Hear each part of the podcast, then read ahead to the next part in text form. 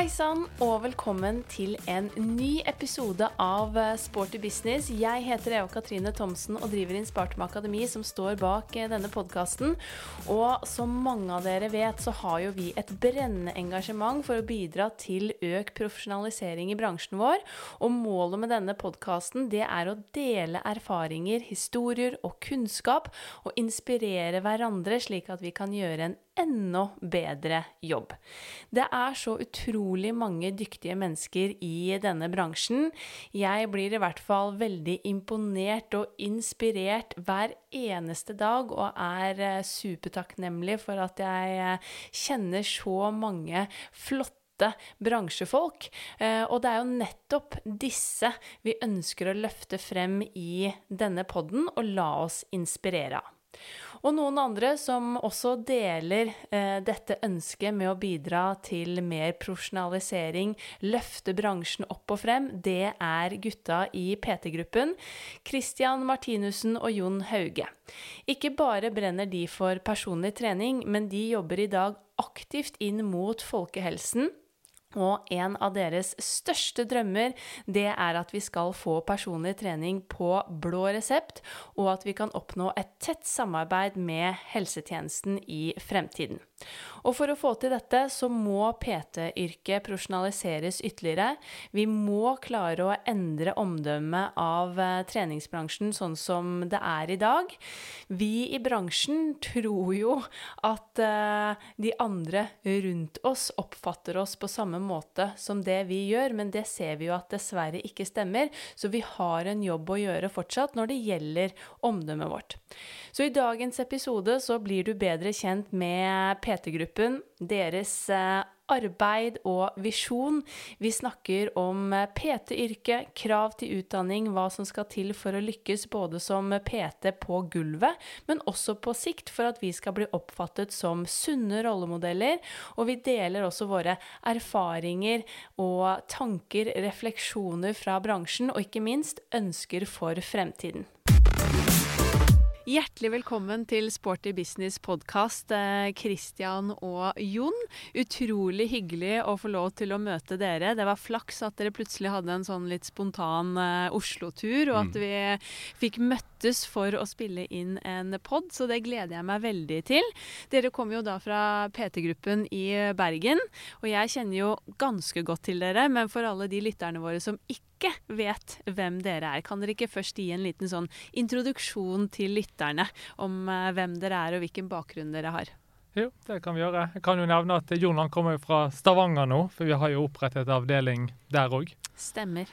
Men uh, jeg heter Kristian og har jo min bakgrunn og lidenskap innenfor personlig trening. Så jeg begynte min karriere i Elixia i tror det var i 2006. Og da jobbet fulltid som personlig trener i, i mange år. da. Eh, videre så ble jeg leder for de personlige trenerne i Bergen for Elixia.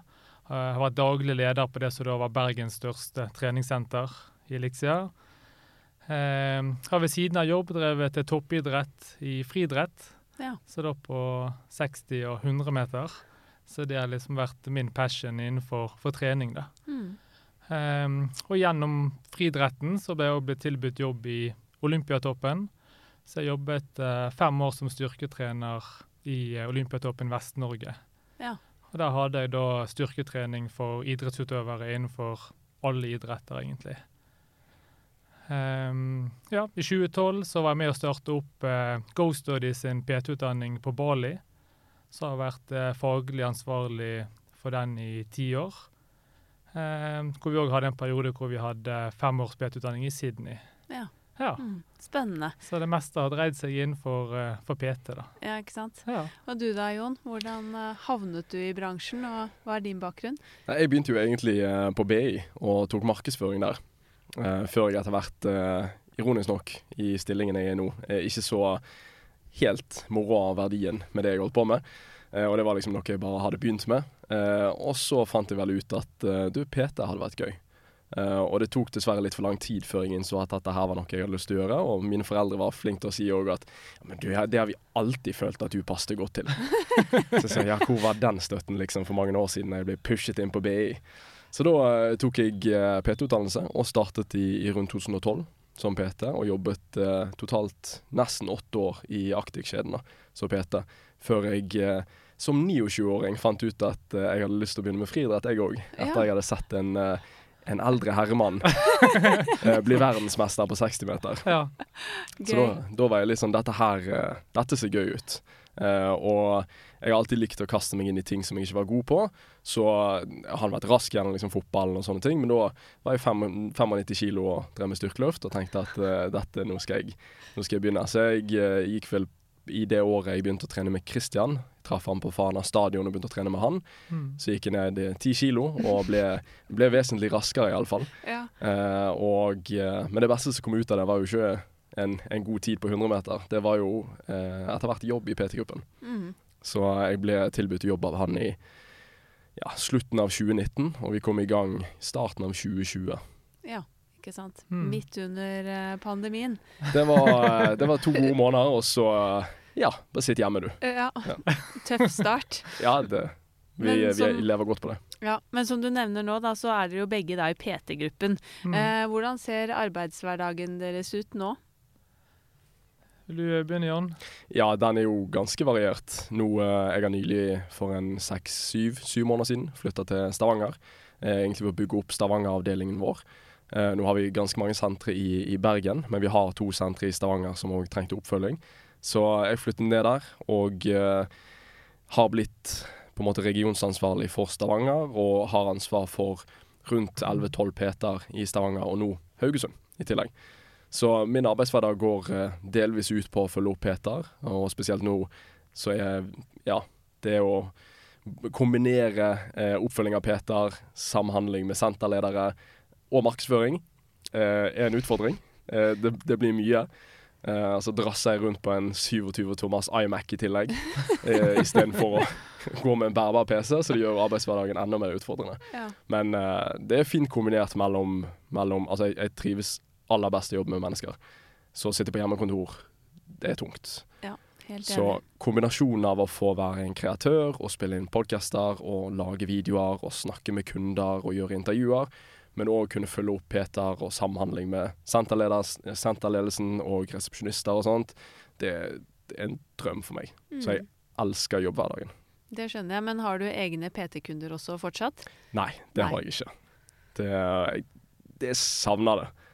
Så det er litt sånn det å møte på kundene til PT-ene mine og snakke med de og høre liksom, og se hvor gøy de har det sammen, så er det, det skjærer litt i hjertet. Men det er ikke mye tid igjen i løpet av hverdagen, så Nei, det er det. Men eh, aldri for sent å ta det opp igjen. det er sant. Men du da, Kristian. Hva gjør du i PT-gruppen, eller hvordan ser arbeidshverdagen din ut? Nei, den har jo eh, endret seg litt i det siste nå når vi er blitt såpass mye større, da. For nå er jo vi mellom 50 og 60 ansatte. Og når vi har kommet opp i den størrelsen, så gjør det òg at jeg har kunnet ansette regionsledere. Så Jon, i tillegg til å være vår markedssjef, er jo òg vår regionsleder i Stavanger og Haugesund. Mm. Så har jeg en regionsleder i Bergen. Ehm, og så har vi òg en faglig ansvarlig. Ehm, og vi har òg et konsept med våre egne PT-sentre, som vi òg har en egen en daglig leder for. Så min arbeidshverdag nå er mer å ta hånd om den ledergruppen. da. Mm. Og så videreutvikling av konsepter og nye byer Ja. og, og nye steder. da. Spennende. Mm. Vi skal jo dypdykke ned i dette med PT-yrket, litt sånn utviklingen av PT. Dere brenner jo for PT, og Mm. jeg brenner for gruppetrening. Mm. Ja. Så vi skal også snakke litt om sånn uh, ulikhetene der, og kanskje utfordringene. Men før det så må jeg også spørre dere, som jeg spør alle andre i denne podden, hva er det beste med treningsbransjen? Jeg, jeg, eh, jeg må jo helt ærlig si samholdet blant folk, altså det sosiale med det. Mm. Eh, og uansett hvor vi møter opp, uansett hva treningssenter, uansett hva liksom, situasjon vi er i, så er du rundt folk som er ganske sånn like-minded. Alle har den der lidenskapen for, for trening og folkehelse og Jeg vet ikke, det gjør ting ufattelig enkelt da, å knytte bånd og bygge nettverk. Så jeg føler at vi er i bransjen med de fleste, altså det største andel av lykkelige mennesker. Ja. Føles det ut som, i hvert fall.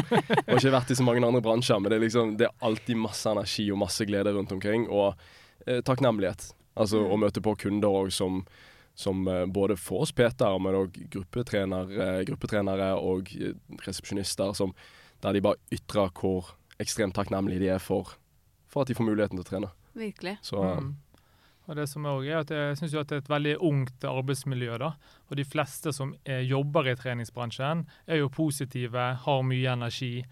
Eh, og det er veldig, mennesker som er veldig kjekt å jobbe med. Mm. Mm. Og så tror jeg det med at uh, du er faktisk en arbeidsplass der alle har den samme hobbyen. For Jeg har snakka med, med, venner som jobber andre steder, sant? sitter i kontorfellesskap eller hva det måtte være. Men det er kanskje ingen der som har noe til felles Nei, utenom jobb. Og det tror jeg er litt sånn lett å glemme. da, at uh, Siden vi alle har noe til felles, så er det så lett å komme overens. da.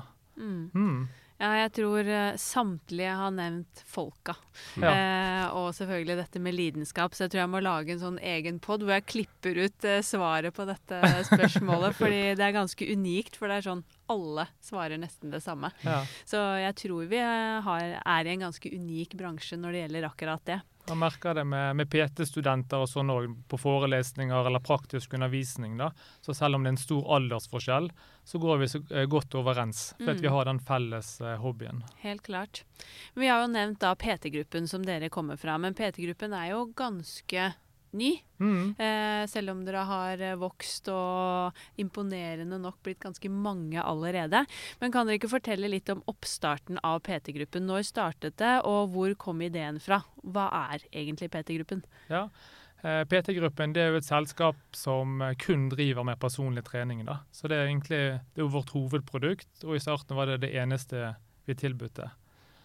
Eh, Det kom egentlig fra at alle de årene som jeg jobbet som personlig trener sjøl, så visste jeg at PT det var det jeg hadde lyst til å være, og jeg hadde lyst til å ha det som mitt yrke. Men den gangen så var det ikke så mange andre som tenkte sånn. da. Det var mange som ikke tok det så seriøst. De ville bare ha det litt som en hobby ved siden av annen jobb. Eh, og jeg følte at det var ikke så mange i, på mitt senter som var der som jeg var. da. Eh, og i løpet av de årene som jeg jobbet, så var det veldig sånn stor utskiftning. At jeg var der i mange år, mens mine kollegaer de kom og gikk. Og jeg savnet liksom å ha et fast team der det var flere som hadde lyst til å gjøre dette yrket mer profesjonelt. da. Mm. Og ikke måtte liksom folk spør hva du egentlig skal bli når du blir stor. Det tror jeg alle har fått det spørsmålet. ja, Eh, det er i hvert fall veldig mange av oss som jobber i bransjen. Ja, men hva skal du gjøre når du blir stor, da? ja. Så, eh, ja, så det liksom var litt sånn på, på savnet der, da. Og Mm. at um, når jeg da fikk muligheten til å være leder for PT-en i Bergen, så hadde jeg lyst til å gjøre en endring eh, på det, da. Så da var det, gjorde jeg litt sånn at jeg ville bare ansette folk i teamet som virkelig hadde lyst til å være personlig trener, da.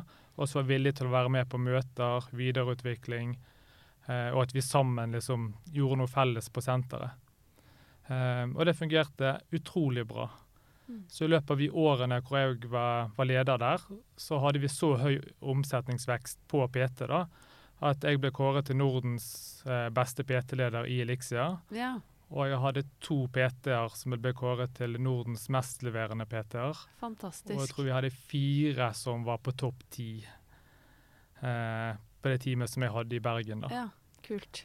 Og det gjorde et eller annet med den eh, kulturen som vi da bygget. For da fjernet vi òg de personene som bare av og til var innom, var ikke med oss og bidra inn til gruppen, verken sosialt eller faglig eller noen ting. da. Så satt vi bare igjen med, en, med den kjernen som virkelig ville noe. Mm. Eh, på det ene senteret som vi tok over, så var de 21 PT-er. Fordi det var mange som nesten ikke jobbet. Og så fjernet jeg 14 av de, jeg satt kun igjen med syv. Og I løpet av det neste halvåret da, så gikk det senteret fra å være det nest dårligste i regionen til delt førsteplass med det andre senteret Ja. som jeg hadde. Så det viser bare det at når man samler en, en gruppe, da, og man får til en, en kultur der, da, Mm. så eh, ja, så gir, gir det enorme effekter. Virkelig. Ja. Utrolig spennende. Men så startet dere opp med egne sentre først. Nei, jeg kan jo Ja, etter hvert. Men etter Ja. jeg kan jo fortelle den, da, så så jeg etter det så fikk jeg jo muligheten til å være daglig leder. Eh, og det som jeg merket, også selv med min lidenskap, da, så var det vanskelig å ha nok fokus på personlig trening. For hovedkontoret målte meg på medlemsmasse, og det var det som var pri én. Og så hadde jeg resepsjonen å ta vare på, jeg hadde barnepassen, jeg hadde utstyrsparken og medlemmene, og selvfølgelig en gruppetreningsplan, og så PT.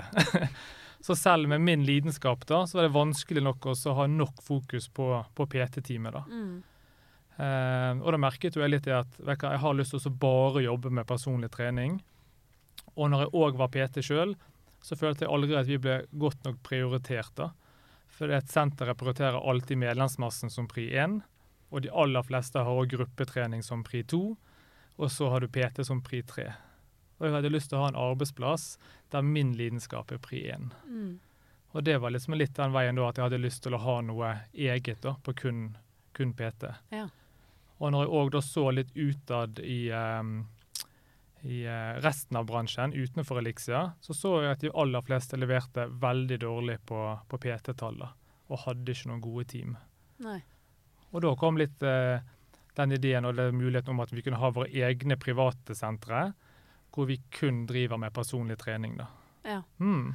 Og så har det jo uh, utviklet seg til å Mhm. bli ganske mye mer etter hvert også. Mm. Eh, Jon, har du lyst til å fortelle litt om eh, det tilbudet og de tjenestene eller de produktene dere leverer i dag? Ja, vi spøkte litt om det her en dag. For at eh, en av de tingene vi faktisk aldri har gjort i løpet av to år med PT-gruppen, det er å promotere hva vi faktisk egentlig gjør. Ja. Eh, og det er litt eh, ironisk at vi har, vi har hatt den veksten vi har hatt, men vi har egentlig aldri gått ut og offentlig markedsført det. Så det tenkte vi eh, vi skulle gjøre noe snart. Um, men altså, vi leverer jo PT-tjenester til andre treningssentre. De leier oss inn, og så er det vi som tar over driften. Så det er våre ansatte, våre rutiner, våre systemer, vår opplæring. De får lønn av oss. Alt kjøres gjennom oss. Og så er vi jo der ute og prøver å gjøre dette sam samarbeidet mellom sentrene og oss så bra som mulig. For at våre ansatte vil jo ende opp med å jobbe på deres arbeidsplass. Som, så den kjemien der er nødt til å stemme òg. Mm. Så det tenkte vi skulle prøve, prøve å promotere eh, for første gang. Ja. Eh, men, men det er òg dette konseptet som vi har med private PT-sentre, har jo gjort at vi har fått et veldig mye sånn større fokus på kun PT. Sant? Og nisjesentre er jo Det vokser jo så bare pokker. Sant? Mm. Det er på gruppetrening, og det er på yoga og noe på PT. Så, så vi ønsker veldig velkommen folk som har lyst til å, å gjøre det samme i andre byer. Mm. og vi har jo lyst til å gjøre det samme i andre byer. Mm. Så, eh, men det, det, det er jo tilbake til hvor mange de får lov til å samarbeide med, som gjør at PT-gruppen ikke bare vokser, men at vi har det så gøy. For det er så utrolig mange senterledere, og resepsjonister og, og gruppeinstruktører som vi får lov til å liksom snakke med og, og jobbe med. Så det, ja, det, det er ekstremt gøy. Mm. Utrolig spennende. Men hvordan har det liksom vært etter at dere startet opp? Har det liksom bare vært eh, en sånn rak linje til suksess? Eller har det vært eh, noen store utfordringer på veien? Har dere hatt liksom noen produkter eller tjenester som ikke har fungert, f.eks. underveis? Eller hvordan har det vært? Nei, jeg tror jeg, Vi har jo selvfølgelig hatt eh, korona, da, som veldig mange er lei av å snakke om nå i treningsbransjen. Ja. Men det har faktisk vært eh, den største utfordringen vi har hatt. Mm. Mm, ellers så ser vi egentlig mer det er et enormt engasjement der, da. Og at personlige trenere på andre sentre sjøl tar kontakt med senterledelsen og spør om ikke de heller kan outsource det til PT-gruppen, da, sånn at de òg kan få være en del av det fellesskapet som vi har. Mm. Så Derfor er det jo at vi ikke har trengt nesten å markedsføre oss sjøl ennå, da, fordi at kunden har kommet litt av seg sjøl. Mm. Mm. Skjønner. Men når forsto dere at liksom dette faktisk var et produkt og, eller en tjeneste å satse på? Det at man kan liksom outsource hele PT-produktet fra et senter? Eh, det stammer egentlig fra en annen PT som jeg hadde i, eh, eh, i teamet mitt, da, i Elixia. Når han var sluttet der, så var, jobbet han som PT i noe som het Stamina. Eller så var det et senter før det ble Stamina. Mm. Eh, og der begynte de egentlig litt dette med, med outsourcing av, av PT-driften. For etter han startet, når han sluttet hos de, så spurte de om han likevel kunne hjelpe de med oppfølging av PT. da. Og det var liksom det første som jeg da så at ok, her er det faktisk mulig å, å outsource PT-driften. Ja. ja. Mm. Og så ser jo jeg det nå at på veldig mange andre tjenester så velger jo nå senteret å heller kjøpe inn tjenestene enn å ha de sjøl. ja. Ja. Tror dere det er en trend som kommer til å fortsette også, altså i bransjen, men også da kanskje på andre, f.eks. gruppetrening eller andre typer ting på senter også? Definitivt. For det er jo det som er utfordringen, sånn som du snakket om i sted, Christian, med en senterleder som har så ekstremt mange forskjellige eh, ansvarsområder. Og vi vet at når ting Det vannes vanligvis ut, og da har en tendens, produktet tendens til å liksom falle i verdi. Så dette med å hente inn egnet til å gjøre PT, eller egnet til å gjøre gruppeinstruktør og disse tingene, det, ja, det er ingen tegn til at den trenden ikke er på vei til himmels. Nei. Mm. Men hvordan er etterspørselen? Er det liksom veldig sånn geografisk? Er det mye etterspørsel i Bergen fordi det var der dere startet opp, eller hvordan ser dere på hele bransjen som en helhet? Ja, det er vel det. Mm. Og jeg tror det bare er jeg tror, jeg tror kanskje ikke realiteten om hva PT-gruppen faktisk gjør, har blitt kommunisert nok Nei. fra vår side til at det, det er nok som vet om hva vi faktisk gjør. Um, så det kan Det jo være noe som endrer seg etter hvert nå, Ja, men men det største utfordringen for oss er ikke å få eh, flere kunder, det er å få nok PT-er. Ja. Så derfor har vi òg sjøl Det er en av grunnene til at vi ikke har markedsført det. For vi klarer ikke å ta over. Hvis vi får nå fem nye sentre som vil at vi skal drifte, så må vi skaffe ganske mange PT-er til de Mm. sentrene. da. Og det eh, har jo òg vært en utfordring både under korona, men òg tidligere. Det å, å skaffe nok dyktige folk da, som vi har troen på. ja. For det er også sånn at Når et treningssenter leier inn PT-gruppen, så forventer de at vi skal levere et bedre produkt enn det de hadde klart sjøl. Ellers er jo litt av poenget vekke. Selvfølgelig. Hmm. Men jeg mener du nevnte for meg også i en eh, tidligere samtale vi har hatt, at eh, dere også hjelper til nå med daglig leder på et senter, stemmer det? Ja, på to sentre. Ja. Så det viser bare enda mer da, at uh, mange sentre er villige til å outsource flere ting. Mm. Er det Mm. typiske sentre som bare er liksom treningsstudio, eller er det mer sånn fullservice-sentre? Nei, begge de sentrene er crossfit-sentre, faktisk. Ja, Ja. ikke sant? Spennende. ja. Jeg syns det er en veldig ja, spennende tanke det med å outsource de produktene. Og mm. det blir gøy å følge det videre og se om liksom flere kommer til å velge det i bransjen, eller om man fortsatt vil ha ting inhouse. ja. Eh, det blir spennende å se. Og en annen eh, aktør òg, det er jo gjerne de som driver ekspressentre, da. De jo, har gjerne òg startet Ekspressenteret, for de vil ikke ha noe med mennesker, eller ikke mennesker, men med ansatte å gjøre. og der òg er veldig villig ok, hvis noen bare vil gå inn og ta PT-biten, eller kan hjelpe oss med andre ting, da, Mm. så vil de òg bare outsource det enn å ta det personalansvaret sjøl. Ja. Mm. Men nå sitter jeg jo her med to som virkelig da brenner for PT-produktet. Eh, hva er deres beste tips da for å liksom virkelig få til å lykkes som PT til alle de som hører på? For min del eh, så er det å bygge nettverk med folk på senteret. Og en av de siste tingene vi sa vi, Nå har vi ukentlige webinarer, og en av de siste tingene jeg sa, var at eh, eller som jeg gjentatte ganger sier, det er ta og smil til alle som kommer inn. Si hei. Spør hvordan det går. Spør hva du skal trene. Bare skap en dialog med folk. For det er der de husker deg fra. Du Mm. selger mye basert på tillit. Og du, altså, kundeforholdene vedvarer over lang tid, basert òg på tillit og troskap. Sant? Og det, er, det går jo begge veier i et kundeforhold, sånn sett. Men eh, jeg vet ikke, det har vært, eh, det har vært de aller fleste sin suksess, kan jeg se. For dette er et personlig produkt. Ja. Sant? Og jeg vet at vi selger mer på kjemi og hvem vi er, enn hva vi kan. Det er ikke så mange som spør hva utdannelse vi har, eller hva erfaring vi har med liksom ditt og datt. Eh, du tar jo ikke på deg oppdrag som du ikke kan håndtere, men det er jo den kjemien mellom, mellom kunde og PT som, som gjør ofte at kunden får resultater. Ja. For at de gleder seg til å komme på trening, eh, og de skipper andre ting for å komme på trening. Altså det blir prioritert i første rekke. Eh, så, så mine PT-er er veldig på Eller våre PT-er er veldig på at OK, men skap en relasjon med folk. Det, det er stort sett der liksom tilliten kommer, og det er der vår markedsføring kommer ifra òg. Mm. Vi vil at folk skal få en tillit til oss med, med det vi presenterer utad. Sant? Enten det er podcast eller det er videoer eller hva det måtte være. Så er det Vi vil at folk skal vite hvem vi er og hva vi, hva vi står for. Mm.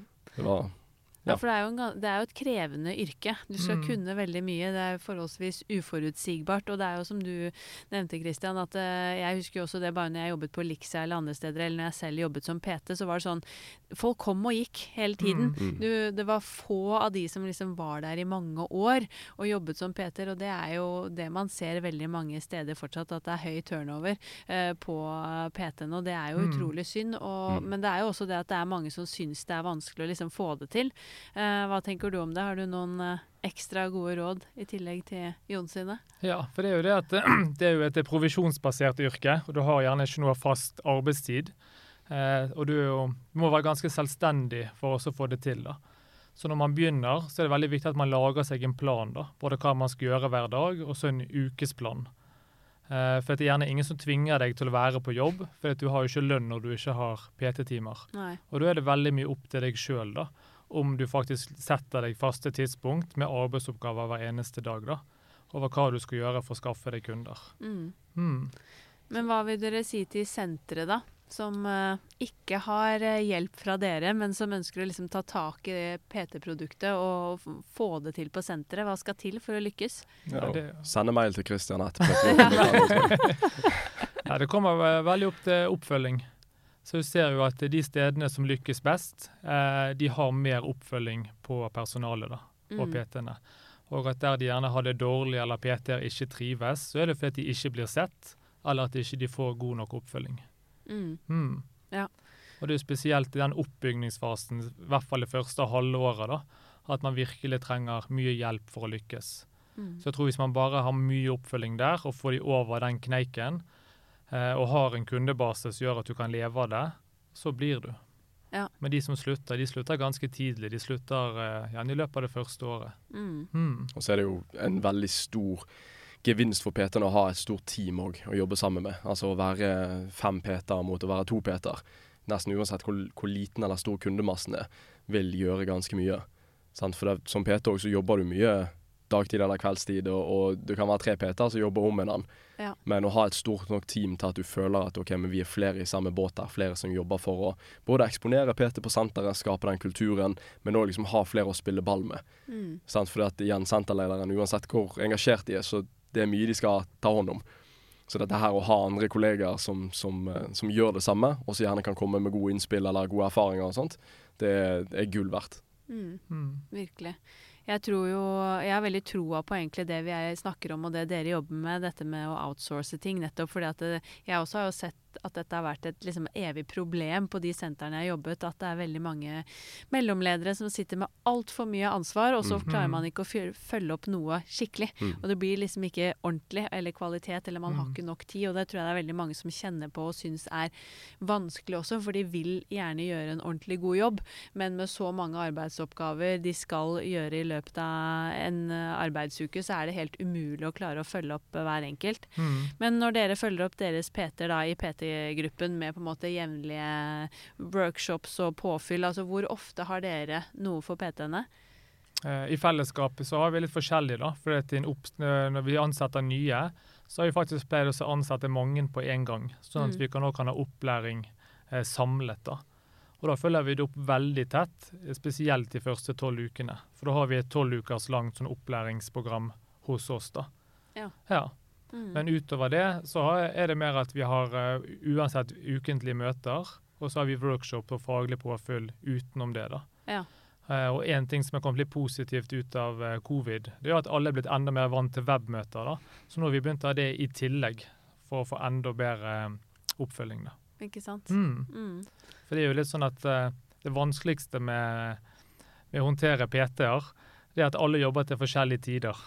Sitter man i litt mer sånn åtte til fire-jobb, og alle har lunsj samtidig, eller alle er der, så er det veldig lett å samle alle. Eller at man kan bare gå inn til kontoret til folk hvis man har noen beskjeder. Mm. Mens hos oss er det sånn at hvis PT-en faktisk er på jobb, så er jo han opptatt med en kunde. Så det er veldig vanskelig å ha dialog med de når de jobber, for det må da skje et kjapt mellom to kunder. Ja. Eller så må det være når de faktisk har en hull i dagen sin. da. Mm. Mm. Så noe positivt har det jo kommet ut av koronaen. Ja. Men en annen ting som også på en måte i gåsetegn har vært litt positivt eh, med tanke på koronaen, er jo at vi har kanskje klart å snu omdømmet til bransjen bitte litt. Mm. Og vi har i hvert fall vist at vi har vært en profesjonell aktør med tanke på å tatt liksom, smittevern på alvor. Mm. Og i det hele tatt, det har skjedd mye der, men fortsatt så sliter vi jo med eh, et omdømme.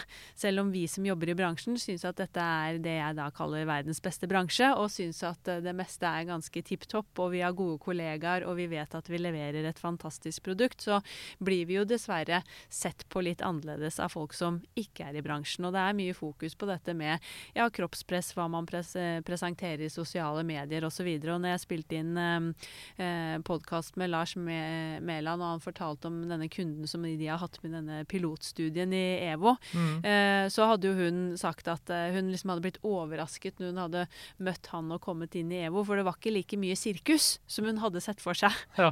Det var liksom hennes bilde på, på bransjen. Mm. Og det er jo mange sånne oppfatninger eh, av at vi fortsatt ikke er så profesjonelle, at vi bare driver med hobbyen vår kanskje, og sånne type ting. Eh, men hvordan jobber dere med liksom PT-ene deres i PT-gruppen for å liksom klare å heve den profesjonaliteten? Ja, jeg tror det, det ene er jo at vi faktisk har et bra omdømme blant de som trener på treningssenteret. da. Eh, for Undersøkelser viser at der syns jo de fleste at det er bra. Men de som ikke er på treningssenter, eller ikke trener med PT, det er jo der vi fortsatt sliter litt med, med omdømmet, da. Mm. Men det som vi har jobbet litt med våre ansatte i det siste, det er at vi har jo jobba veldig hardt for oss å få PT mer inn eh, eh, innenfor helse, da. Eh, hjelp meg litt der, Jon. Ja, altså vi, vi, prøver, vi, prøver, aktivt å jobbe for å få helsestatus. Et, helsestatus Sorry, det var, det var det ordet jeg ville frem til. Og fysisk aktivitet ja. på blå resept. Ja. Sånn, det vi vil. Og da har vi snakket mye med Peter om okay, hvordan må vi da fremstå mm. for at politikere og folk i kommunen da skal se på at uh, vi passer, uh, passer, inn der. da. Og hvis vi da har mye fleksebilder på dass og utseendefokus, eh, så vil ikke de tenke på at vi passer inn i helsevesenet. Nei, mm. det er nettopp det. Har dere noen andre tanker om hva som skal til da, for at vi kan klare å liksom snu dette utad til de som ikke trener hos oss allerede, for å liksom virkelig stå frem som de sunne rollemodellene som folk kan få tillit til, og du får lyst til å komme inn og trene istedenfor at de ja, ikke tror vi er profesjonelle, eller at vi skremmer bort folk fordi at de syns at vi tror at vi er sånne supermennesker. Mm. Eh, vi jobber jo på en måte litt i oppoverbakke eh, på en del forskjellige plan. Men det er jo ingen tvil om at de som promoterer kropp på sosiale medier, har en tendens til å få veldig mye oppmerksom mer oppmerksomhet enn eh, Erna på 45 som er å jobbe litt med folkehelsen, på en måte. sant? Og, men det som du sa der i forhold til det som Lars hadde sagt om den pilotstudien i EVO, det er jo stort sett det, er jo det samme du sier her. sant? Omdømmet vårt internt er bedre enn eksternt. Mm. Og det er fordi at altså, jeg har vært veldig offentlig på å kritisere treningsbransjen de siste 20 årene, for jeg syns vi plasserte oss i den situasjonen som vi har vært i under covid sjøl. Mm. Det er ingen andre som har gjort det. Altså, vi, vi, har ikke promotert oss som en seriøs helseaktør før. Sånn, så det, det, er til kritikk til, til, de aller fleste aktører som har vært der ute i alle år. Uh, og det er begynt å snu. Og det skal folk ha skryt for. Uh, store aktører som Sats òg har begynt å fokusere mer på liksom, helse. Uh, men jeg tror jeg oppfordrer alle liksom, som hører på, som eventuelt ikke er medlem på et treningssenter, til å bare gå inn på et treningssenter og se at OK, det er faktisk ikke sånn som det ser ut utenifra. Og ofte så blir artikler, senest i Stavanger Aftenblad for et par dager siden, så blir liksom saker om treningsbransjen skrevet for clickbait. Altså sånn mm. dette, liksom, dette vet vi kommer til å skape kommentarer. sant? Mens de gode historiene om hva endring folk gjør, både fysisk og psykisk, inni denne boblen, det blir ikke snakket så mye om. Sant? Og dette er jeg hadde en, en, video som vi følte i hvert fall gikk viralt her i, i mars i fjor. Uh, der vi var nedstengt, og jeg uh, pratet til politikerne om at dette her, det må bli en endring. Um, og en av de tingene jeg sa der, var at altså, vi har, vi har over 20% av befolkningen som trener hos oss. Vi er den, liksom den største helseaktøren egentlig i Norge i forhold til medlemsmasse. Sant? Og vi tilbyr et produkt som både forebygger og, og behandler og eh, reparerer liksom, både fysiske og psykiske problemer. Så vi har så sykt mye å spille på. Og så, det er så sinnssykt mange grunner, hundrevis og tusenvis av grunner til å gå på et treningssenter og jobbe med fysisk og psykisk helse. Helsefordelene er latterlig enorme, men de blir liksom aldri presentert fra noen andre enn Helsedirektoratet. Nei. Mm. Og det er til og med ikke politikerne presenterer det, eller media. Det, og når vi da spiller, har spilt mer på det kroppslige og seksuelle bak trening Som i form på seks uker og ja, Masse, masse, masse clickbait bullshit. Så har vi, vi har satt oss i den posisjonen sjøl. Mm. Så det er en kjempemotbakke å jobbe i i forhold til å dra ut flere av kundehistoriene fra forskjellige Og for all del, kropp er en del av det, kommer alltid til å være. Og det er ingen som takker nei til en bedre kropp. Så, men allikevel så er jo langt over 80, kanskje 90% av de som trener på et treningssenter, gjør det fordi at de vet at det er godt for helsen sin. Mm. Men det blir aldri frontet. Nei. Eller aldri, iallfall sjeldent. Så det, det, er det som må endre seg, da. For at omdømmet utad er det som må endres for at vi går fra 20% til 40 mm. mm. Og Jeg har jo en eh, litt idé der, da. For jeg så at Helsedirektoratet nå hadde den styrkeuka så hadde de fokus på denne uken, så skal vi nå promotere styrketrening og effekten ut av det. da. Så jeg tror at hvis vi sammen i treningsbransjen da, hadde laget noen sånne uker med forskjellige temaer, da, men det ene uken kunne vært på kvinnehelse f.eks., og så det styrkehelse, trening for psykisk helse, og så hadde alle, uavhengig av kjede, SATS, EVO, alle de store, da, eh, pumpet ut det samme budskapet mm, eh, ja. de ukene. Så tror jeg vi liksom hadde da kommet frem mer som kompetanse. da. Veldig god idé. Men dette, ja. dette, er det andre som har lykkes med før, og det er rosa månen, for eksempel.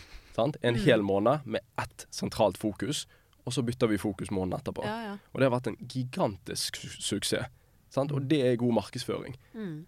Det har hentet inn masse penger, det har blitt gjort masse forskning, og det har blitt sinnssykt bra behandling. Nå har ikke jeg gått gjennom det sjøl, men det har blitt ekstremt mye bedre. Og pga. at de har bare sentralisert seg. Her skal vi promotere det. Ja. Så vi kunne hatt ikke bare uker, men vi kunne hatt forskjellige måneder hele veien. Der dette Mm. liksom er fokuset. Det kan være første gang treningssentrene faktisk kan stå sammen om noe, da. Istedenfor bare å kjempe om medlemmer og hva neste kampanje skal være. ja, ja, helt Så kan kan vi ha noe frontet felles budskap, da. Med at treningsbransjen er faktisk et sted for kompetanse og, og helse. For hvis ikke-. For hvis ikke vi forteller de Nå er vi engasjert, men hvis ikke vi forteller de hva de skal gjøre, vi som skal være ekspertene på styrketrening og kondisjonstrening, hvor skal de da høre det fra? Mm. For tydeligvis er det ingen andre som har lyst til å si det til dem. Så det at hvis vi felles står sammen og har det budskapet, så, eller forskjellige typer budskap, så jeg tror det kan være en, en skikkelig game changer for treningsbransjen. altså. Mm. Og Virke trening syntes jo at ordet trening hadde så negativ eh, omtale, da. At de har jo nå endret navn Mm. til eh, Virke aktiv helse. Eh, og vi hadde òg en podkast med han eh, Øystein Jensen i eh, Corporis. Og han hadde en idé om å endre PT-tittelen, personlig trener, til eh, si, klinisk individuell trener. Så det er jo faktisk flere nå som tenker eh, at kanskje vi faktisk må endre litt på navnene, da. Ja. At det nesten er lettere enn å endre på de, de negative ordene som allerede er der. Mm, det er veldig interessant. Det var sånn som eh, NIH Fitness på idrettshøyskolen hvor jeg jobbet, som eh, for flere år siden da endret til NIH Aktiv. Ja. Mm. For å liksom bli, bli, bli kvitt det det. der fitness-ordet som da mm, fikk veldig på en måte negativ eh, Ja. oppmerksomhet. Mm. Men for oss som Henning Holm hadde et eh, bra poeng der, da, at for oss som liker trening og sånn, vi syntes jo ordet trening er et positivt ord, da. Så han mente jo at vi ikke bør løpe vekk fra det, men heller gå ut og så gjøre en endring, da. Og få Ja. folk til å endre sin oppfattelse av det ordet. Men veldig god idé det med en eh, felles samarbeid Ja. eh, på tvers, syns jeg. For det er jo det vi mangler, og som heldigvis veldig Mm. mange nå snakker om. Det at man ønsker mer samarbeid i bransjen, man ønsker mer samarbeid også på tvers av bransjer. Mm. Og det tror jeg også er noe som skal til for at vi virkelig klarer å snu dette. Mm. Og hvis man går tilbake bare sånn som når jeg begynte som instruktør og egentlig kom inn i bransjen da i 2008, så hvis jeg ser fra 2008 til i dag, så ja, det har jo skjedd en del med tanke på at det har blitt mer fokus på liksom de mentale effektene av trening, og det er en viss endring på markedsføring til en viss grad, og liksom hvilke kamp kampanjer man har, men fortsatt, det har ikke skjedd sånn kjempemye. Det har ikke vært eh, revolusjonerende endringer de siste Nei. årene, men nå føler jeg at veldig mange eh, i bransjen, og nesten alle jeg snakker med, vil få til dette her. At vi skal liksom bli en mer profesjonell folkehelseaktør og bli sett på Mm. den aktøren som vi ønsker å være. Så jeg har mer troa nå Ja. på at vi kanskje endelig kan klare å få til dette her. Men du har mye bransjefolk som hører på, sant? Og jeg er en av de som syns at prisen burde gå opp hos alle. For vi er verdt mye mer penger enn det vi setter oss sjøl verdi som. Helt enig. Så det som jeg syns har vært ironisk i alle år, det er det at folk driver priskampanjer for å kjempe om de 20 prosentene. Det er ingen som jeg føler har tatt ansvar for å gjøre den kaken større. Det er ingen som har lyst til å ta opp den ballen med det omdømmet som vi har, og faktisk gjøre noe med det. Og vi som er liksom på innsiden av treningsboblen, treningssenterboblen, vi vet hva vi tilbyr. Så det er liksom, jeg syns heller ikke vi bør løpe vekk fra ordet trening. Jeg syns vi bør få flere til å få en positiv assosiasjon med det. Gjøre det mye mer lavterskel på alle mulige måter, og der er gruppetrening en gigantisk aktør og grunnen til at mange går og trener. Og så burde vi bare fronte mer av disse her breie helsefordelene, fysisk og psykisk, kollektivt blant alle aktørene. Sentralisere det og få et stort fokus på det. Sånn at vi ikke er avhengig av politikere, vi er ikke avhengig av eh, andre instanser for å gjøre det for oss, men at vi felles, i fellesskap tar og løfter liksom den, den stigen og klatrer opp. Eh, og dette prisgreiene med liksom masse gratis måneder og alt mulig, la oss kvitte oss med det, for vi er verdt mye mer penger. Både PT og, og treningssentrene. Få prisen opp. Helt, helt enig. Det er kanskje også vanskelig å bli tatt seriøst når du da blir kastet tilbud etter, eller du kan trene gratis et halvt år og Ja, ja, og Ja. alt henger jo sammen, så det påvirker jo igjen eh, kanskje lønnen vi kan eh, gi til både instruktører og PT-er og Mm. andre ting. Så det jo, blir jo egentlig en litt sånn ond sirkel, på en måte, hele Ja, sånn som vi drifter i dag. Så jeg er helt, helt enig. Men profesjonalitet er jo da noe av det aller viktigste her, Mm. tenker jeg, og kompetanse, og som dere da også brenner for, for å klare å liksom snu denne trenden. Hva er da visjonen deres, PT-gruppen, og hva er det dere virkelig ønsker å se for liksom, utviklingen av PT-yrket fremover? Nei, det er jo det ene det er at det blir en beskyttet tittel, og at det blir enda mer profesjonalisert. at eh, Sånn som fysioterapeuter, kiropraktorer, at vi kan liksom få til et enda bedre samarbeid der. da.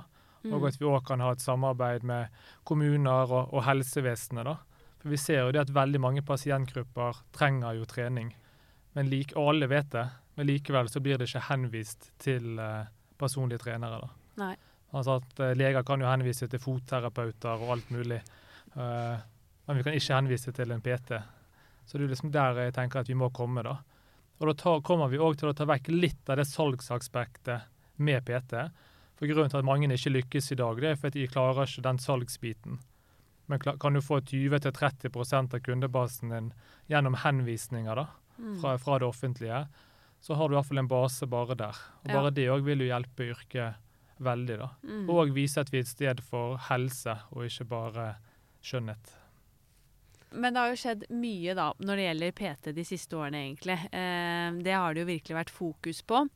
Og det har skjedd mye på profesjonaliteten der, eh, selv om vi har fortsatt en lang vei å gå. Mm. Men eh, det som jeg da brenner for å jobbe med, gruppeinstruktører, de, der henger vi ganske langt bakpå, vil jeg si. Der har det skjedd lite de siste årene.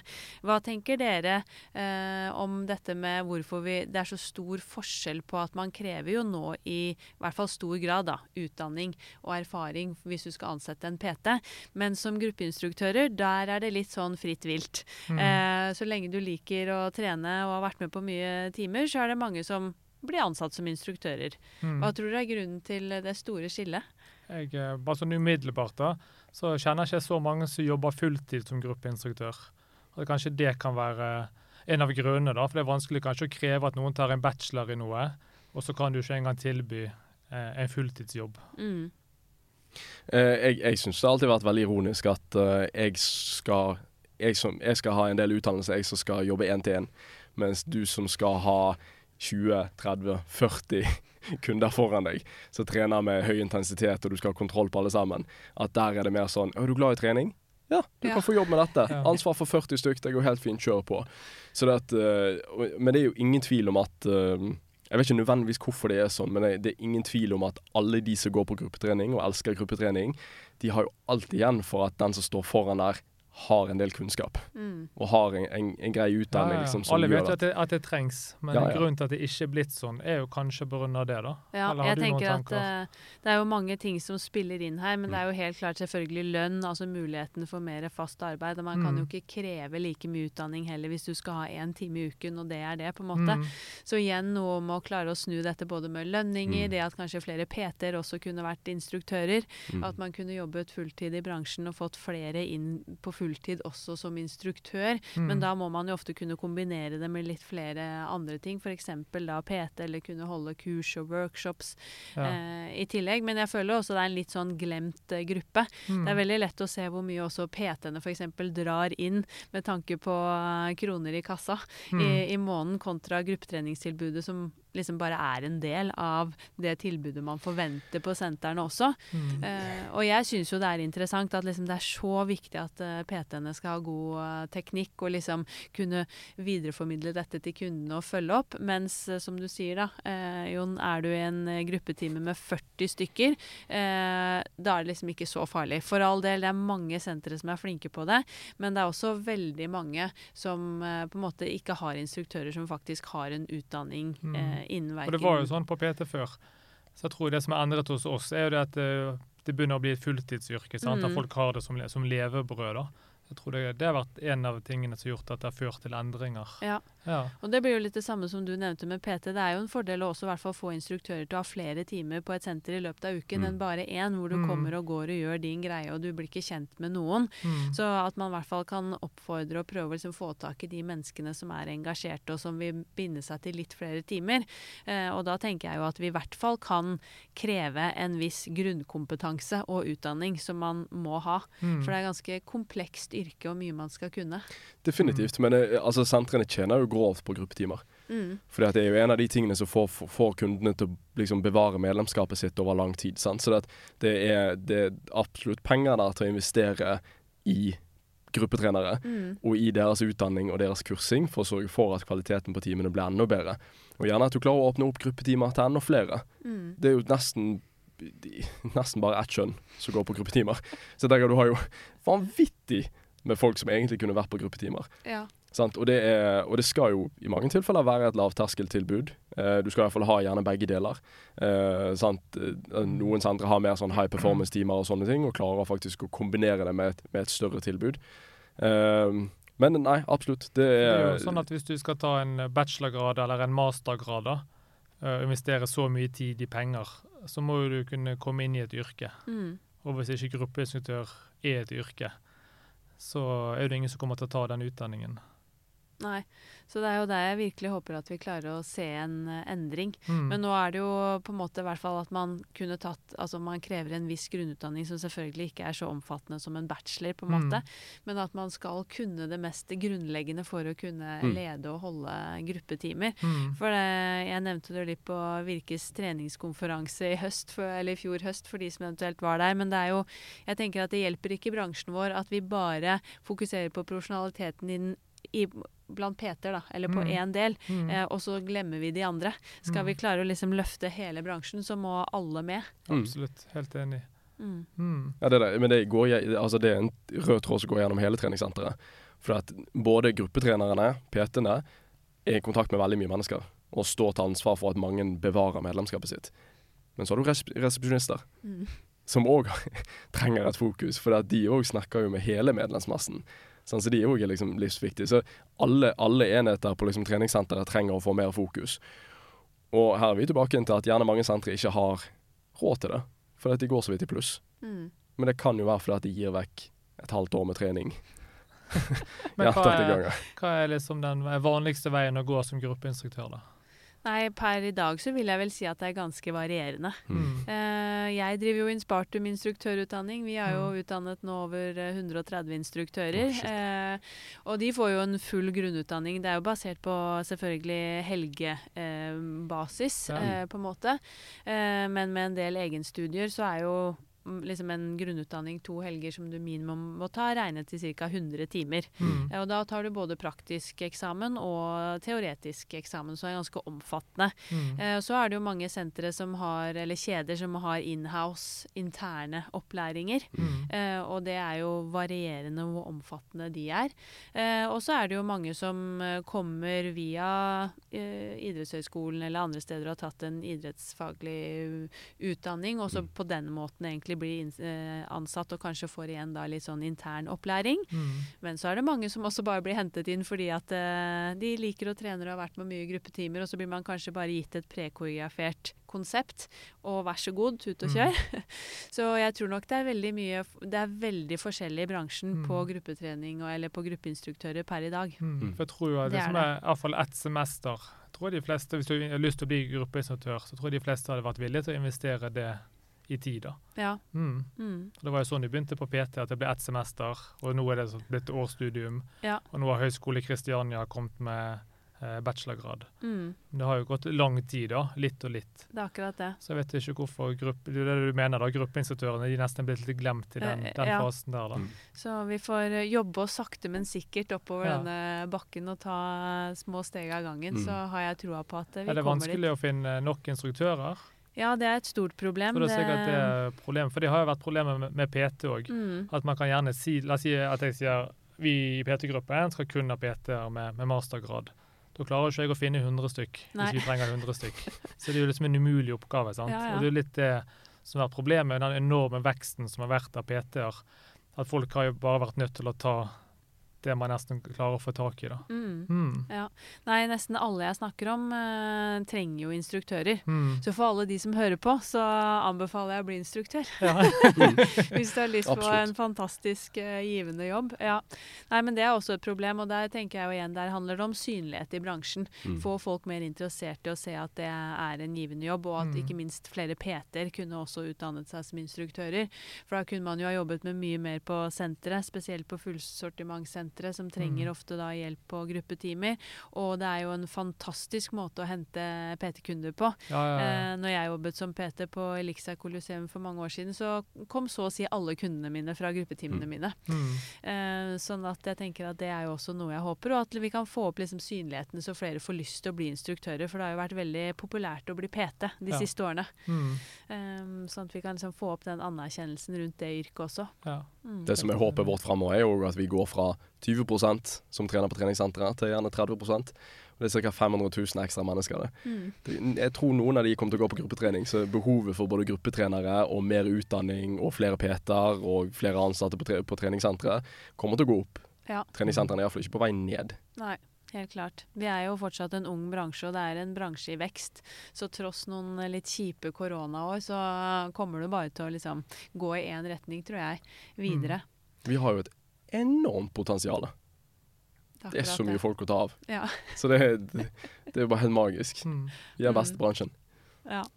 Vi har jo snakket mye om hva vi ønsker å få til, men har dere noen sånne siste tanker eller ønsker om hva dere har lyst til å se i treningsbransjen fremover i tid, eller hvor tror du vi er om kanskje fem-ti år? Det som vi snakker veldig mye om, er jo det der som vi tror veien bør gå. da. Og det er jo et, et kollektivt samarbeid mellom flere instanser. Sånn, Både kommuner, fysioterapeuter, kiropraktorer, naprapater, leger, eh, psykologer, foreninger for hjerte- og lungesykdom, diverse. At det blir et mer felles budskap der om å promotere fysisk aktivitet. Um, og deretter så tror jeg liksom å kunne få både snudd omdømme og få mer av politikere og ja, få alle inkludert i at OK, men vi trenger jo ikke mer forskning på fysisk aktivitet. Gud bedre hvor lenge vi har holdt på med det der. Det er jo ingen tvil om at det har en, en ekstremt god effekt både for friske mennesker og syke mennesker. Mm. De holdt på med dette på Modum Bad. Johan Kaggestad gjorde dette her for over 40 år siden og brukte fysisk aktivitet som behandling. Ja, Sånn, Vi, ja, vi må komme der. Så jeg, jeg, Vi vet det funker. vi Mm. vet det funker. Så jeg eh, spår egentlig Så lenge vi klarer å, å skjerpe oss litt eh, med både omdømme og få kanskje mer standardisert både utdanning og krav, eh, og kommer der vi kan få en beskytta tittel, så tror jeg vi kan nærme oss både å få PT og fysisk aktivitet på, på blodresept. Mm. Eh, og at vi får forsikringsselskaper med på dette her, som kan gi deg billigere forsikring hvis du viser til at du er fysisk aktiv. Eh, så tror jeg eh, det blir mer sånn kollektivt statlig fokus på det. da. Mm. Og staten har jo milliarder å spare på at vi trener. Mm. Jeg tror det at uh, i hvert fall en del av sentrene kan gå den veien. da, At det er et sted man kommer for å oppsøke kompetanse, og ikke bare uh, en fritidsklubb. Ja. Mm. Men trening skal jo være gøy, og det er liksom det skillet. da, Hvor langt mot helse skal vi gå kontra fritid og, og gøy. Mm -mm. Mm. En eh, god balanse der. Ja. Ja. Eller om det blir mer spissete, sant? nå når det kommer så mange forskjellige typer konsepter og, Ja. og sånt. Mm. Mm. Og så tror jeg det, det, det fokuset òg på at OK, men la oss ta hånd om den psykiske delen av helsen vår òg. Og få flere arbeidsgivere, få flere selskaper til å ikke bare legge til rette for at de ansatte kan trene fysisk, men legge til rette for at ja, ok, men den fysiske helsen må være i, i sjakk òg. Se om vi klarer kollektivt på landsbasis å senke sykefraværet, og se om vi i treningsbransjen kan være en god aktør for å hjelpe til med det. Og det er vi i treningsbransjen som er ekspertene på kondisjonstrening og styrketrening. Mm. Så vi må henvises til når vi har det produktet vi kan tilby, som andre ikke kan tilby. Ja. Så eh, jeg tror det bare er mer forståelse blant instansene om hva vi faktisk er gode på, og at vi er ærlige om hva vi ikke er gode på. Ja. Og kunne henvise tilbake igjen. For det der tror jeg òg gjerne mye av problemet har lagt de siste årene. Ja, og litt, eh, å bli litt mer ydmyke også, tror jeg har, eh, ha, har vi godt av da i bransjen, for å si det sånn. Med tanke på å oppnå den kredibiliteten vi ønsker. Yes. Ja. Men jeg krysser jo virkelig fingrene for at det vi sitter og snakker om nå, kan bli en eh, realitet i fremtiden. Og jeg har jo troa, og det er jo det er noe av det jeg syns er veldig givende da, med å være i denne Mm. bransjen. Fordi at det er så ekstremt stor utvikling, Mm. og du kan liksom virkelig være med på å føle at her kan du bidra og gjøre en forskjell. Mm. Og være med på en endring. Mm. Det som vi syns er kjekt òg, at i tillegg til å ha våre egne PT-sentre, da, så de sentrene som vi hjelper, det er jo forskjellige typer kjeder, eller enkeltstående sentre. da. Og det å kunne være på lag med alle Mm. og være med og så løfte uansett hva, hva kjede man er i, eller hva senter det er, da. Ja. Det har vært utrolig givende. Mm. For tidligere når jeg har bare vært låst i en kjede, da, så ligger du inni den boblen, og så får ikke du med deg helt hva som skjer på utsiden. Så det å liksom kunne spille på lag og ikke ha noen fiender, være venner med Ja. alle, merker jeg at det hjelper oss å kunne ja, tenke mye større. da. Mm. Ja, det er gøy å høre, for det er jo det samme vi jobber med i Inspartum. Altså løfte alle gruppeinstruktører Mm. i Ja. Norge og gruppetreningstilbudet. Og det er jo gøy òg, for du får jo innpass og på en måte overalt. ja, overalt. Ja, og få med deg hva som skjer, og liksom få mange nye perspektiver på ting og erfaringer. Ja. Mm. Eh, Det skal sies at uh, den rakett-emojien eh, på iPhone er en av de mest brukte emojiene våre. i hvert fall. Eh, så det er, men det, det er bare det er gøy å se liksom, bransjen i utvikling, og det er gøy å være en del av det. Og ja, vi, trenger, vi trenger endring. Vi trenger Mm. bedring. Det er jo litt Så, sånn som med, med trening òg, at hvis du spisser deg sant, mot noe, så blir du veldig god på det. Mm. Og siden vi kun driver med personlig trening, da, så tror jeg at vi har stor mulighet for å bli best. Mm. For det er liksom det eneste vi driver med. Ja, Helt klart. Veldig, Mm. veldig enig. Jeg tror vi skal begynne å runde av. Vi kunne jo Mm. sitte og skravlet i det vide og det brede om det vi har så stor lidenskap for. Mm. Men vi skal begynne å runde av. Men har dere noen tanker om hvem dere selv kunne ønske å høre i Sporty Business, da? mm, det har vi. Ja. Eh, Jeg har en god venn som heter Åsmund Tveitevold. Mm. Han er òg med i PT-gruppen, men han driver et selskap som heter Alfatech, som har utviklet en eh, kraftplattform som eh, foreløpig du kan ta knebøy på og få live feedback ja. på skjermen. Eh, og de er fem stykk fra Stavanger som eh, har utviklet dette her, og eh, ja, er på vei ut i, i både treningsbransjen og idrettsbransjen. Det er kult. Så den teknologien er ganske revolusjonerende og eh, har fått patent på i tillegg. Ja. Eh, så det var nettopp en, en sak, om, eh, sak om de i Teknisk Ukeblad, faktisk. Så han Mm. definitivt vil jeg Ja, anbefalt. veldig spennende. Vi jo var første senter i verden som fikk den plattformen da, på Ja. PT-senteret vårt i Bergen. Og Det har vært det skikkelig gøy å, å jobbe med. Og Vi har liksom savnet litt teknologi på styrketrening. For det har Mm. vært sånn på gruppetrening, på spinning, Mm. og det har vært med, med pulsbelter og Strava og apper. Men det har ikke vært så mye ny teknologi på, på styrketrening. Det har det jo egentlig vært stenger og manualer som, Ja. vi, som vi løfter. Så det, Så kanskje dette kan være det, da. det er så Alfatech prøver å lage, det liksom et produkt som blir løpingens pulsklokke. Ja, ikke sant. Sånn, Og det kommer en app der du kan logge all treningen, og du kan få feedback, og programmer kan bli lagd for deg og justeres etter hvert sett. Så du kan trene etter dagsformen. Det er liksom det som er. Og Åsmund er en, en mann med master i ernæring, master i idrettsfysiologi og nå en doktorgrad eh, i tillegg eh, rundt trening. Så han er provoserende smart. Eh, Ja, Ja. Så er han god til alt. Ja. Ja, det er jo kjempe, kjempespennende ut. Har du noen tips, Kristian? Ja, utover det, det var jo han vi egentlig tenkte litt på. Um, ja, kanskje han um, Øystein Jensen, som vi eh, har snakket med her i Oslo, da, Mm. som har spesialisert seg inn mot eh, bedrifter. Ja. Uh, det kan være en litt sånn kjekk eh, måte å ja, kjekk vinkel å så se det fra, da, og kun rette seg inn mot bedriftsmarkedet Mm. på PT og fysio. Helt klart. Mm. Men for de som hører på, da, hvis de er nysgjerrig på PT-gruppen og også deres egen podkast, for dere har jo egen pod òg, hvor uh, følger de dere? Hvor finner de dere i sosiale medier? Det er jo uh, PT-gruppen Norge, det. Uh, Iallfall på sosiale medier, også på ptgruppen.no. Og så har vi PT-podden på Spotify, uh, Apple Podcast og alle steder man finner podcaster. Yes. Mm. Herlig. Tusen hjertelig takk for en eh, skikkelig fin og hyggelig bransjeprat. Jeg ønsker jo dere masse lykke til eh, fremover, og så håper jeg at vi sammen kan få til en eh, god endring i bransjen, og til slutt liksom naile toppen på den bakken. Så tusen hjertelig takk. Oh yes. Jo, takk det samme, skal vi si. Det var veldig gøy. Jeg blir skikkelig inspirert av Christian og Jon, og gleder meg veldig til å følge dem videre, og ikke minst hva vi sammen kan eh, få til i eh, bransjen. Det kommer, som jeg har nevnt tidligere også, til å skje noe spennende fra Virke aktiv helse fremover denne våren. Vi skal arrangere regionale samlinger for treningsbransjen. Temaet er Fremtidens treningssenter post pandemi. Hvor mange dyktige bransjeprofiler er samlet for å gi deg på ditt treningssenter hjelp til driften fremover, og til å ta steget videre nå etter en litt vanskelig periode for bransjen vår. Så dette her, det gleder vi oss eh, til. Påmeldingen, den er rett rundt hjørnet.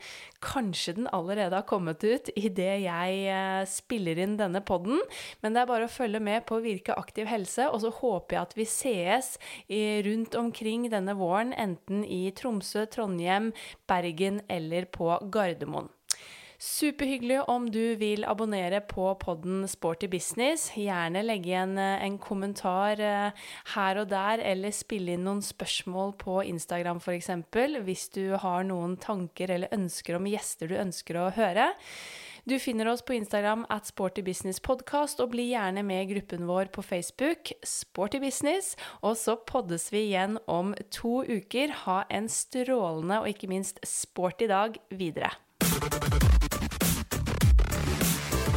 Denne podkasten produseres av Inspartum Akademi og North Stories.